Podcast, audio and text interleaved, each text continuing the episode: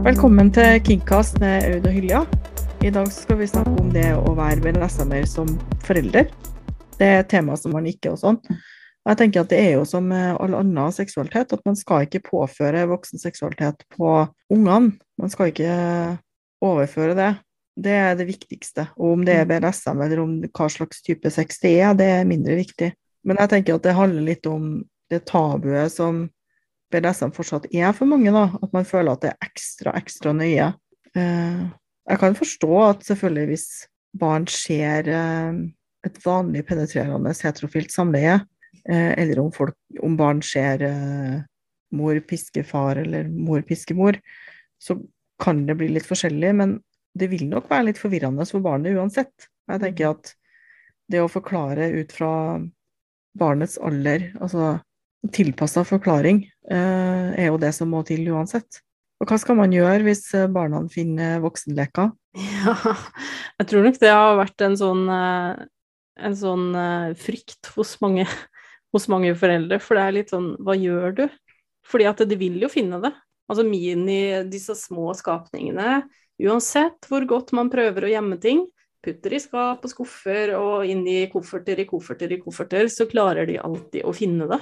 De har en sånn merkelig radar for å finne ting som man trodde var godt nok gjemt. Uh, og jeg tror kanskje at uh, det viktigste er å, uh, at, å, ha en innstilling om at barnet skal få vokse opp i et sexpositivt hjem, hvor det ikke skal være skambelagt å finne og snakke om leketøy. Men det må samtidig settes grenser for hva som er barnets egen seksualitet, og hva som er voksnes seksualitet. Og det syns jeg er spesielt viktig, fordi det er jo så viktig at vi får lov til å utforske sin egen seksualitet sjøl, uten at det skal bli påvirka eller prega av de voksnes seksualitet. Eh, men det skal jo heller ikke være sånn som ja, som meg og sikkert mange andre vokste opp med hendene over dyna. Det skal, det skal, balanseres, men det skal være skille mellom barnas seksualitet og sin egen. Og kanskje også være tydelig på at det her er mamma sin, det er mamma sin voksenleke. Og at det, mm. det er et privat område. Men ikke sånn 'nei, den er min'. Det fins forskjellige måter å ta det opp med, da, med barna. Det fins en mellomting. Det går jo an å snakke med barn hvis de finner noe de eh, egentlig ikke skulle ha skjedd på et soverom eller sånn, og mm. snakke litt om privatliv og at um, hvis noe er lost, så er det gjerne en grunn til det. Mm. Um, og sånne ting. Men samtidig ikke påføre skam eller sånn knytta til de tingene de har funnet. Det er bare far og far eller som eh, har lekt seg, spilt rollespill. Mm. Eh, og, og, barn skjønner jo veldig ofte når man, når man bruker eksempler, når man for eksempel, fordi alle barn har jo noen favorittleker. Blir sånn, ja, men det her er jo din favorittleke, og den er bare din, det er ingen andre sin. Så skjønner jo de det med en gang, at det, ok, det her var pappa sin leke. Det, det er ikke noe jeg skal Og stort sett så respekterer de det, så holder de seg unna, da når du har satt den grensa og sagt at det her er, det her er voksenleker. Men det er jo klart at barn kan jo også bli veldig nysgjerrig på ting som ikke er lov. Eh, men man må jo bare fortsette å stå ved det at det her er det voksnes område. Og så er det jo ikke sånn at du trenger å slenge det rundt heller. Altså, noen ganger så kan det jo glemmes borti senga, eller men man trenger ikke ha det slengt rundt i huset. Nei, det er veldig sant. Uh, og det er også en viktig måte å ikke påføre voksen seksualitet på barna, da. Ikke ha altfor mye stående fram. Men uh, jeg tror nok også vi overvurderer noen ganger hvor mye barn kobler voksen seksualitet til ting, fordi at vi vet hva det er. Mm. Uh, men når barnet kommer ut fra soverommet og bruker en vibrator som en rakett, så tenker jeg at vi skal ikke Å nei, det er stygt å ikke ta på den, og kanskje bare legge den vekk. Og ikke mm. hvis, hvis, man ikke får spørsmål, så trenger man ikke overforklare heller. Nei. Jeg har jo hørt eh, eksempler av barn som har brukt eh, sånne rabbit-kaniner til eh, romrakett eller racerbil eller Og da er det jo rett og slett bare å si det. At jeg, jeg skjønner at det er gøy å leke med den racerbilen som mm. vibrerer og lager lyd, og noen blinker jo òg, det er jo veldig kult for unger det, med ting som blinker. Mm. Da er det jo Men det her er mamma sin, og den får du faktisk ikke lov til å leke med. Så det, det er jo ikke noe mer komplisert enn det. Nei. Men det jo, jeg kan jo skjønne at man blir litt svett. personlig så blir jeg blir jo litt svett sjøl, jeg. Bare ved tanken på det. Jeg, altså, man har jo ikke lyst at barna skal finne sexleketøya dine. Man har jo ikke lyst til det. Men... Nei, man har jo ikke det. Eh, og det har jo også vært et spørsmål om eh, ikke bare små barn, men også voksne barn. Hva er greit å dele? Mm. Jeg tenker at Hvis barna er voksen og spør, så kan man jo svare ærlig, i den grad man føler at det er OK for en sjøl. Men uh, der det er flere generasjoner med BDSM-ere, f.eks., så vet jeg jo far og sønn for eksempel, som går på SM-klubb annenhver gang, at de har ikke lyst til å være der samtidig. Det tenker jeg at det er en grei måte å løse det på. Mm. Um, eller der den ene rett og slett har måttet ha funnet seg et miljø i en annen by, eller uh, lignende. Ja. For at det er jo ikke naturlig å gå på en SM-klubb og se at, at, foreldre eller barn leker. Nei, jeg tenker ikke det. Eh, jeg vet jo at det er folk som gjør det, som har godt forhold til sin Som er voksen, som har godt forhold til sine foreldre, og begge er kinky og drar på BDSM-treff sammen og gjør sitt. Men uh, personlig så, så, tenker jeg at det er også å gå over noen grenser. Det er, uh, det er noen grenser som viskes ut i det. Så det er jo det må være litt varsom. Det er jeg enig i. Jeg tenker at selv om man sjøl er aldri så trygg, særlig som den voksne, eller uh, den som har mest makt, så tenker jeg at man skal være veldig forsiktig. Mm.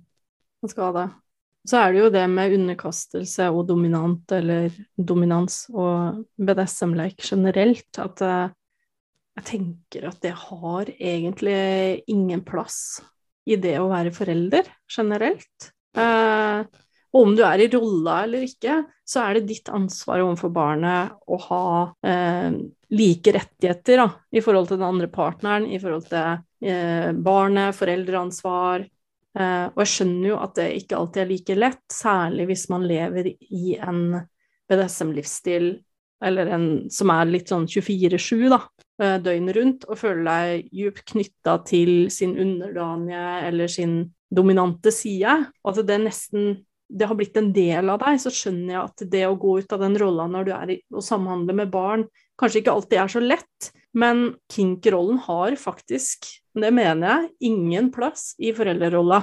Eh, fordi at man er ansvarlig for barnets velvære 100% Det er et ansvar du ikke kan eh, delegere til sin dominante, eller en rolle man ikke bør mikse med kinken. Og, og barn har jo ingen plass i en BDSM-dynamikk å gjøre. Og jeg veit jo at det er andre foreldre som er mer ja, som er mer åpen overfor barna sine med sexlivet sitt, og at, at, de er gjerne nakne med barna sine, som så vel altså i seg sjøl er helt naturlig. Så lenge det ikke er påtvunget eller har en seksuell karakter, så er det helt naturlig med nakenhet. Men når du har hatt en spanking og er ganske rød på rumpa, eller har blitt brusa, eller altså du har noen tydelige merker, da, er det noe barna dine trenger å se? Er det noe seksåringen trenger å måtte sette spørsmålstegn rundt? Hvorfor har du merker? Hvorfor har du sår på rumpa di, mamma? Hvorfor har du kvelermerker, pappa? Altså, er det en samtale man egentlig skal ha med barna sine? Jeg tenker jo at man ikke skal det. Og så tenker jeg jo også at hvis barnet ser noen blåmerker på ei rumpe eller noe sånt, så er det ikke krise. Man kan si at jeg datt, eller mm. husker du når du ramla ut av huskestativet eller noe sånt. Men Um, da får man sånne blåmerker. Man mm. trenger ikke å, å, si så veldig mye om det, egentlig. Eller mm. at det er ikke ondt, og det går over, og trygge ungen på at det her er ikke farlig.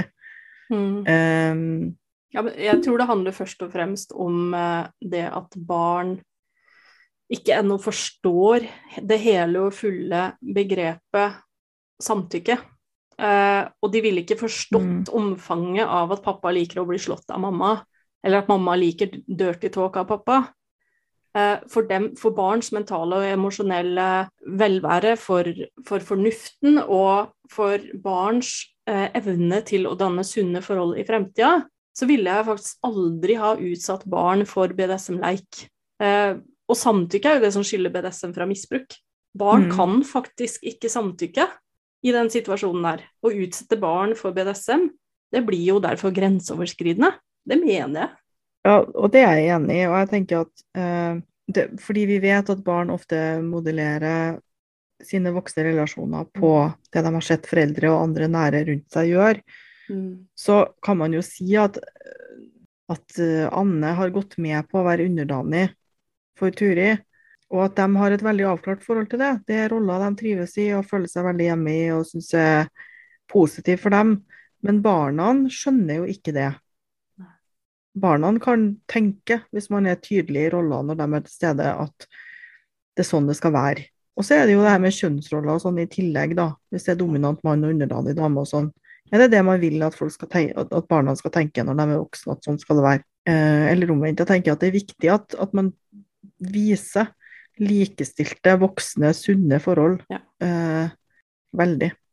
Ja, Men- og det med å modellere, det har du faktisk eh, Det har du helt rett i. fordi at barn Det er jo alltid lurt å se barnet fra barnets perspektiv når vi skal snakke om det her. Og, og måten vi samhandler på. Eh, fordi at barn de, de gjentar jo instinktivt det de ser at vi voksne Mm. gjør. De repeterer det vi gjør, måten vi snakker til hverandre på, måten vi ser på hverandre på. Og, og hvis en sønn ser at mora blir styrt av faren sin med hard hånd hele dagen, hvordan kan han lære å behandle kvinner godt i fremtida?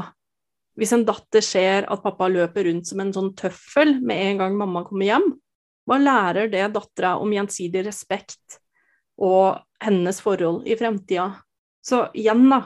Barn skjønner ikke det fulle begrepet samtykke. De fanger opp atferdsmønstre, det er det de gjør, før de kan spørre mm. hvorfor ting er som de er. Altså, du kan ikke sitte med en treåring og bare Jo, nå skal du høre. Uh, og det, Nei, og det de vil jo funker bare ikke helt sånn. Nei, de vil jo bare repetere det her. Det her blir jo et familiemønster som vil repeteres, og jeg, jeg tenker ikke at det nødvendigvis er sunt. Men nå er det jo ikke heller sånn Nå høres det jo veldig sånn kritisk ut òg, sånn å, det her må du ikke, og sånn må du ikke, og fy-fy. Fordi jeg tror også det finnes flere nyanser av det. Jeg veit jo om de som, som eh, lever en 24-7-relasjon, som har barn, men som modererer seg. Altså det er forskjellige protokoller i forhold til når barna er hjemme, og når barna ikke er der. Og det kan jo bare handle om at den som er dominant, er den som tar de økonomiske avgjørelsene. Og det er ikke noe som trenger å være så synlig for barna, mens den der eh, DS-relasjonen med den DS, tydelige DS-kommunikasjonen kanskje blir mer tydelig når barna ikke er der, da. At det går an å finne, ha forskjellige protokoller for det, da. Jeg har jo ikke inntrykk av at det er veldig vanlig at uh, foreldre som er BLSM-ere, utøver rollene sine foran barn, bare så det er sagt. Altså, jeg har inntrykk av at det er veldig, veldig uvanlig. Om noe så vet jeg om eh, relasjoner der f.eks. den submissive går med collar, eller eh, sånne tegn som er synlige, men som barna ikke forstår, i alle fall eh, i noen år. Så kan man Mm. vurdere, da, i en eller annen alder, gjerne litt før man tenker at det er nødvendig, om man skal ta bort de her symbolene. Eh, Ja, for Men, det skal jo eh, ikke være sånn at barn skal være redd for å ta med seg venninner, nei, altså venner, da, hjem. Fordi at foreldres både utseende og boligens uh, kunst, for eksempel, for det har jeg også hørt mange eksempler på. Eksempel sexologer eller BDSM-ere eller hva som helst som har bilder av vaginaer eller fallossymboler i hele huset. Og så får de høre fra tenåringssønnen, da, som er 18 år, bare sånn Ja, nå skal du få høre hvorfor jeg aldri tok med venner hjem. Jo, fordi du har pikker i hele huset. Ja. Å ja. Det òg. Det er jo litt eh, dumt. Det er jo et felles hjem, selv om de foreldrene er gjerne har litt eh, Bestemmer mer, så skal jo også barna føle seg hjemme der og skal ikke bli pressa på noe som de ikke syns er OK. Mm. Så er det mange som lurer på hvordan man får plass til BDSM når man har eh, barn, særlig små barn. Da tenker jeg at eh, det er jo et prioriteringsspørsmål, og det er veldig lett å si, for tidsklemma er tidsklemma, men det er jo viktig å ta vare på parforholdet. Mm. Eh, noen ganger så kan det være riktig å bare ta seg en kveld med barnevakt og bare sove, fordi at det er det man trenger. Noen ganger så er det fint å få til en datekveld eller eh, å leke, men uh, det er viktig å skille mellom hva er det man tenker at er forventa, Mm. og hva er det man sjøl ønsker. Ja. Jeg opplever at folk sier at ja, men har, vi har satt av tid til å leke. Vi leide oss et hotellrom med BDSM-utstyr, og vi skulle liksom Men vi var jo så slitne at vi orka ikke. Nei, men da var det riktig, da. Mm. Ja. At, eller kanskje man skal planlegge på en annen måte neste gang og prøve å få litt pause først. Ja, så tror jeg kanskje mange, i hvert fall førstegangsforeldre, blir litt sjokkert over hvor mye energi det suger ut av deg å være småbarnsforelder. Mm. Og tror kanskje at uh, når man har fått barnet, så ja, ja, vi skal få masse tid til å Kanskje ikke masse, men vi skal i hvert fall vedlikeholde sexlivet vårt og ha kink i hvert fall i helgene eller en gang iblant. Og, og så skjønner man at herregud, det har gått tre år, og nesten Det har nesten drept sexlivet vårt. Og vi må på en måte re-inn Eller gjenoppdage hverandre igjen. Kinken vår, seksualiteten vår. Og det er faktisk helt vanlig når man er småbarnsforeldre at det dør ut nesten i perioder. For noen så fungerer det jo selvfølgelig så bra for de, men for mm. andre så, så nesten dør det ut. Faktisk opptil tre-fire år. Og de sier jo at det løser seg jo, veldig mange sier at det løser seg fra sånn når barnet er tre år og begynner å bli litt mer sånn sjølstendig i gåseøynene, og kanskje ikke trenger den derre nære fysiske kontakten hele tida, og begynner å finne mer sin egen stemme og sitt eget sitt eget, rett og slett, i en litt større grad. Begynner å utforske mer utover.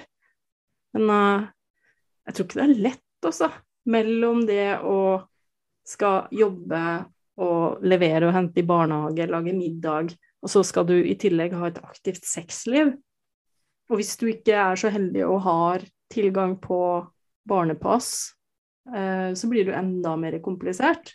Så jeg vet jo om folk som også har satt av tid på dagtid eh, til å enten ha sex eller utøve BDSM når ungen er i barnehagen, hvis man ikke jobber akkurat da. Og prøve å heller ta mm. på seg kveldsvakt eller et eller annet, bytte på litt, sånn at man kan ha et levende sexliv. Ja, altså Jeg kommer litt tilbake til det her med realistiske forventninger, altså. At mm. uh, folk blir bekymra for at å, nå er det så og så mange uker siden jeg er født, eller nå er barnet så og så gammelt, og vi må jo, vi må jo ha sex. Og tenker jeg at nei, det er ingen som må noe som helst. Hvis dere har lyst og ikke har tid, så kan man prøve å jobbe med det. Hvis dere føler for mye stress til å ha lyst, så kan man prøve å jobbe med det. Mm. Eh, men hvis dere ikke har lyst, bare fordi at det er en annen prioritet i livet, det har skjedd en stor endring, så gi det litt tid, da. Ikke mm. stress for mye um, ja. med akkurat det. Men man må jo også velge å prioritere det. Uh, fordi at det er det så fort gjort når ungen er lagt på kvelden, at du bare deiser ned i sofaen, og så går du på Netflix, og så sitter den andre og scroller på telefonen, og så plutselig flyr timene, og så bare shit, nå må du legge deg fordi ungen skal opp klokka sju. Uh, og så har den dagen gått òg. Og i stedet for å slenge seg ned i sofaen og gjøre det samme hver bidige dag, at man faktisk hadde satt av et par timer da, til å ta en date, eller date i stua med mm. lys og en ekstra god middag iblant. Eller bare sette seg ned sammen og se en film, eller gi hverandre en massasje. Prøve å bryte den der rutinen, for det er fort at du blir litt fanga i den der rutinen òg. Da dør det... romantikken ut. Ja, det er veldig lett. Og så at man også biter seg veldig fast i at ting skal være sånn som før, men livet er ikke sånn som før. Nei. Så der man tidligere kanskje kunne bruke hele helga på hytta med, med partneren i, i, lenke, så kan man ikke det lenger. Så får man finne andre måter å gjøre det på som tar kortere tid, eller som man ikke trenger å reise til, eller at kjappiser er undervurdert, altså. Hvis man mm. har lyst og har litt tid, så finn ut hva dere kan gjøre i det, i det vinduet. Ja. Og noen vil kanskje føle en litt sånn sorg over at ja, nå ble det slutt på liksom langtidsbondage, eller, eller hva det nå er man savner, da. Mm. Men kanskje kan man komme tilbake til det, forhåpentligvis, etter en stund. Um, og så må man bare Det var det valget vi tok. Sånn prioriterte vi. Tenke på det gode man forhåpentligvis har fått i bytte, da. Mm. Det er jo det. Og så at å at man husker å se hverandre i hverdagen. fordi at mange snakker om lyst og snakker om at vi burde ha mer sex. Eh, og så er de superopptatt av kalenderen sin og jobb og barneoppdragelse og alt hele dagen. Og så glemmer man de her å møte blikket til hverandre og mm. gi det her smekket på rumpa når partneren går forbi, eller mm. Bare stryk, stryk, noen over ryggen når du går forbi. Se hverandre, ta på hverandre om dere ikke har penetrerende sex eller BDSM-sex eller hva det er som er savnet. Men det bidrar til å holde liksom koken oppe, da. Og akkurat sånne ting, det tenker jeg ikke er farlig at barn ser. Det er snarere tvert imot. Det å se at mor og, eller foreldre og omsorgspersoner har en sunn relasjon, hvor de også kjærtegner hverandre og gir hverandre kyss, og om det så kan være et lite uskyldig Mm. klaps på rumpa, det, det tenker jeg ikke er negativt at barn ser. Eh, Jeg tror det bare er bra, for det viser jo også til at mor og far har jo eh, en tiltrekning, og det er jo Mor og far, det er så fort at du sier det, men du skjønner hva jeg mener. Ja, og det tror bare, det tror jeg bare er sunt, fordi ungene, selv om de kanskje kan synes det er litt kleint når de vokser opp og blir eldre, så er det litt sånn Å, ikke kyss foran meg, mamma. Men eh, så er det også litt godt å se at foreldre har det bra sammen. Det er jo noe barn føler seg trygge i det. Ja, og igjen den derre modelleringa, da. Det å vise at man er glad i hverandre, vise at man setter pris på hverandre, gi Ja. komplimenter, skryt, ta på hverandre. Det er bra for barn å se det. Sånn skal et forhold Mm. være, eller sånn kan et forhold være hvis det er sånn man vil ha det. Ja. Og, eh, ja. Ja, altså du, du må rett og slett snakke til partneren sånn som du vil at ditt barn skal snakke til andre mennesker ute i verden. For det er jo, Mm. det er jo der det lærer. Det er der det starter. Og så blir det jo vanskelig hvis man har satt av f.eks. en datekveld en fredag, eh, og ikke har møtt blikket til hverandre hele uka. Er det sannsynlig at man har lyst til å ha sex da, fordi om man har satt av kal i kalenderen? Gjerne snakke litt om ting og glede seg og planlegge, og vite at kanskje planene ikke blir noe av, men man håper og ser fram til når man gleder seg litt. Ja, Kanskje litt dirty talk når ikke ungene hører det. ja, og litt sånn eh, Er det sexting det heter? Mm. Tekster og sender litt sånn erotiske meldinger, og, og det kan man gjøre når man er i samme huset òg. Når den ene sitter nede og den andre har lagt seg litt tidlig, så kan man jo sende litt sånne frekke meldinger òg. Og det kan jo skape litt sånn ekstra spenning i hverdagen. Og det er mange ting som gjør at man kan bekrefte hverandre og kanskje holde litt på den tenninga, da. Mm. Hvis du skulle gitt ett råd til andre kinky foreldre, hva skulle det ha vært? Ja, hva skulle det vært? Eh, kanskje først og fremst å være tro mot seg sjøl. Jeg vet det er en klisjé, men du lærer jo også barnet det å, å være Leve sitt mest sanne jeg, hvis du tør å gjøre det. Eh, og kink er ikke noe å skamme seg over, og ikke overfor ungene heller, hvis de finner ut på et tidspunkt at du er kinky. Og ungene vil jo respektere ærlighet mer enn at en person er redd for seg sjøl og sine behov. Eh, og sjøl om du har barn, så betyr det ikke at kinkens tid er over. Eh, det er som vi har vært inne på, at du må, ja, du må kanskje senke farta litt. Du må kanskje senke forventningene. Eh, du må også kanskje sette det litt til sides en stund. Men du kommer jo ikke til å glemme det. Du er fortsatt kinky, det lever fortsatt i høyeste grad på innsida. Og det er helt vanlig, som jeg nevnte på tidligere, at, at eh, det reduseres eh, utøvelsen av kink, og kanskje blir det aldri som før, som du nevnte på. Men Mm. når all energi og alt overskudd begynner å gå mer tilbake til ikke helt i normalen, for det kommer det kanskje ikke til å gjøre for ungene har flytta ut, faktisk. Men så kan du utøve mer kink, og du kan på en måte gjøre det mer, og, og det som også er litt kult, da, det er at eh, man kan oppdage hverandre på en helt ny måte. Og det, det syns jeg er litt stilig, at eh, ja, det blir aldri som før, men det kan faktisk også bli bedre. Hvis man tør å møte hverandre der man er, og legge til rette for at uh, man kan praktisere kink de, i de lukene man har, da. Så ja, først og fremst så er det vel det å være tro mot seg sjøl. Mm. Hvis jeg skulle komme med ett råd, så tror jeg det er det her med å se hverandre i hverdagen. Um, prøve å opprettholde litt av dynamikken man ønsker når man har mulighet. Trenger ikke å bruke så lang tid alltid. Eh, og så hvis jeg skulle gi to, så er det det å huske på at etter fødsel, f.eks., hvis man har født etter at man har endra rolle og blitt foreldre, så kan jo dynamikken endre seg i paret eller i forholdet. Og kroppen eh, kan reagere på nye måter. Og husk når man skal begynne å utforske etterpå, at man må begynne litt fra scratch eh, og, og planlegge. Hvilke Mm. roller skal vi ha, hva er det vi ønsker, hva er målet med det her? Ikke bare anta at fordi vedkommende har vært superpainslet før at det kommer til å være akkurat det samme etterpå. Kan hende, men ikke ta det for gitt.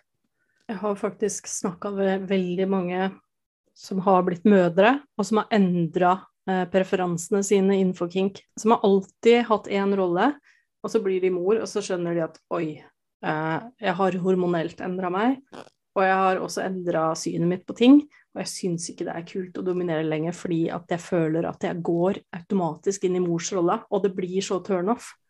Eh, den har jeg Mhm. hørt flere ganger, så det er viktig poeng det du sier der. Fordi at det skjer utrolig mange endringer i en kvinnekropp etter man har født. Og det skjer også veldig mange endringer hos partneren, også hos menn, som også får hormonelle endringer og reaksjoner på, på det å bli forelder. Så det er jo noe med å møte hverandre der man er, og kanskje må man forhandle på nytt. Mm. Og se om man klarer å matche på nytt. Forhåpentligvis så gjør man jo det. Og det at ting endrer seg Folk er veldig sånn redde for at ting skal endre seg, da, men det må ikke være negativt. Nei. Det må ikke det. Kan hende at du bare liker nye ting. Det er greit. Må man prøve å finne ut av det i lag. Ja. Det var dagens episode av Kickcast med Aud og Hylja. Tusen takk for at du lytta. Send oss gjerne tips på hva du vil høre om.